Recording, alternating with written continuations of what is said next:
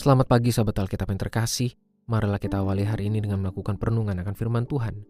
Bacaan Alkitab kita pada hari ini berasal dari surat Roma pasal yang ke-12 ayat 1 dan 2. Karena itu saudara-saudara, oleh kemurahan Allah aku menasihatkan kamu, supaya kamu persembahkan tubuhmu sebagai persembahan yang hidup, yang kudus, dan yang berkenan kepada Allah.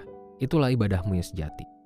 Janganlah menjadi serupa dengan dunia ini, tapi berubahlah oleh pembaruan budimu, sehingga kamu dapat membedakan mana kehendak Allah, apa yang baik, yang berkenan kepadanya, dan sempurna. Topik mengenai persembahan dalam praktek kehidupan beriman umat Allah memanglah sangat menarik. Banyak pemahaman yang dibangun sebagai landasan praktik pemberian persembahan kepada Allah.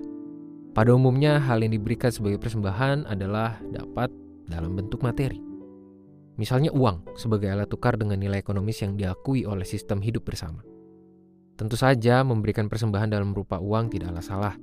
Namun apakah nilai persembahan hanya terperangkap dalam bentuk uang?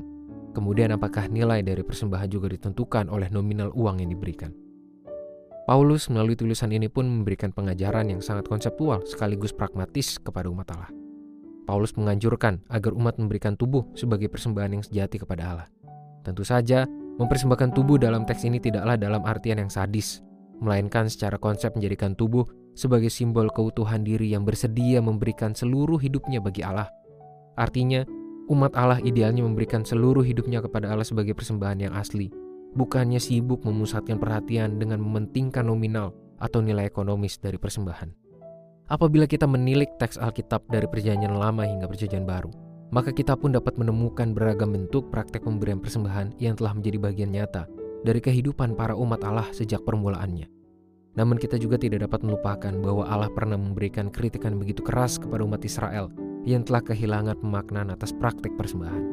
Mereka telah terperangkap dalam formalitas tindakan dan telah kehilangan wujud ideal dari persembahan yang semestinya hadir melalui kehidupan mereka sebagai umat Allah. Itulah sebabnya Paulus juga memberikan penegasan bahwa hidup ini persembahkan untuk Allah terjadi ketika kita mampu menjalani kehidupan dengan kualitas yang berkenan kepadanya. Marilah kita berdoa.